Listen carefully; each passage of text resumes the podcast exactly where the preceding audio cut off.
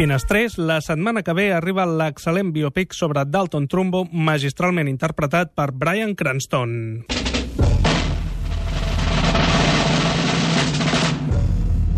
Este contrato te va a convertir en el guionista mejor pagado de Hollywood. ¿Dónde he de firmar? ¿Eso ha sido alguna vez miembro del Partido Comunista? Algunas preguntas solo se contestan con un sí o un no si uno es un tonto o un esclavo.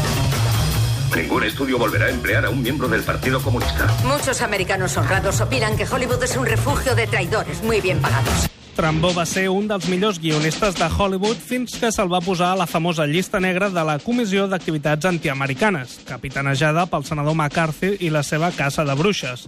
A partir d'aquí, presó, amenaces a la seva família i haver d'escriure sota pseudònim fins que Kirk Douglas i Otto Preminger el van rescatar i van tornar a col·locar el seu nom als títols de crèdit a Espartaco i Éxodo.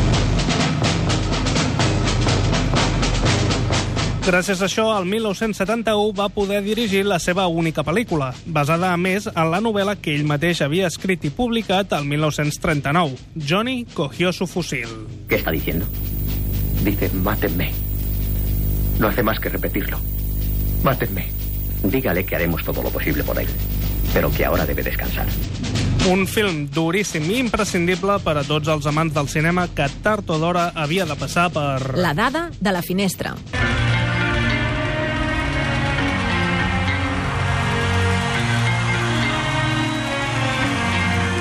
Algú de vosaltres ho havia preguntat i és cert, el 1964 es va anunciar que seria Luis Buñuel qui dirigiria la pel·lícula.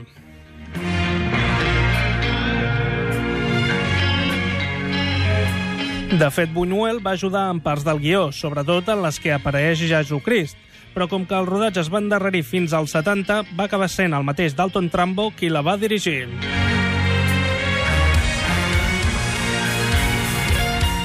Trumbo va obtenir el National Book Award per aquesta novel·la. La idea li va venir al cap després de veure un soldat desfigurat durant la Primera Guerra Mundial.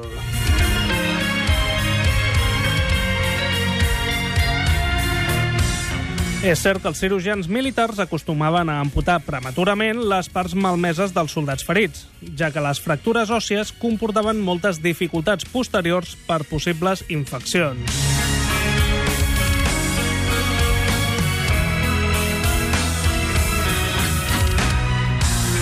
La novel·la, així com la primera versió del guió, era només un monòleg del seu protagonista. Es va modificar en guions posteriors, ja que consideraven que això hagués fet de la pel·lícula una experiència encara més difícil.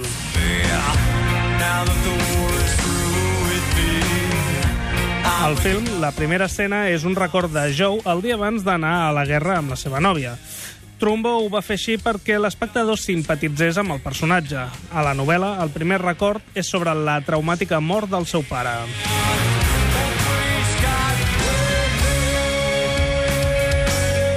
Aquest film va provocar que els pares de Scott Rowley, un canadenc de 39 anys que portava 12 d'ells en coma, asseguressin que el seu fill estava conscient. Finalment van trobar la manera de comunicar-se amb ell, a través de ressonàncies magnètiques. Li demanaven que pensés en unes imatges concretes i a la ressonància sortia il·luminada la part del cervell que volia dir que sí o la part que volia dir que no. Van fer la mateixa prova amb 50 pacients més en el mateix estat i van descobrir que el 20% d'ells també estaven conscients.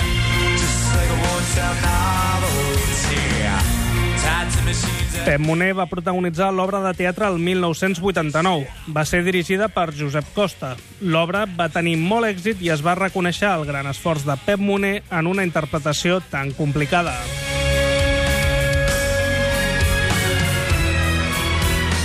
El film va passar bastant desapercebut als Estats Units en el moment de la seva estrena. No es va convertir en un fenomen de culte fins que el grup de rock dur Metallica li va dedicar una cançó al 1989, a l'àlbum Unjustice for All. És aquesta que estem sentint.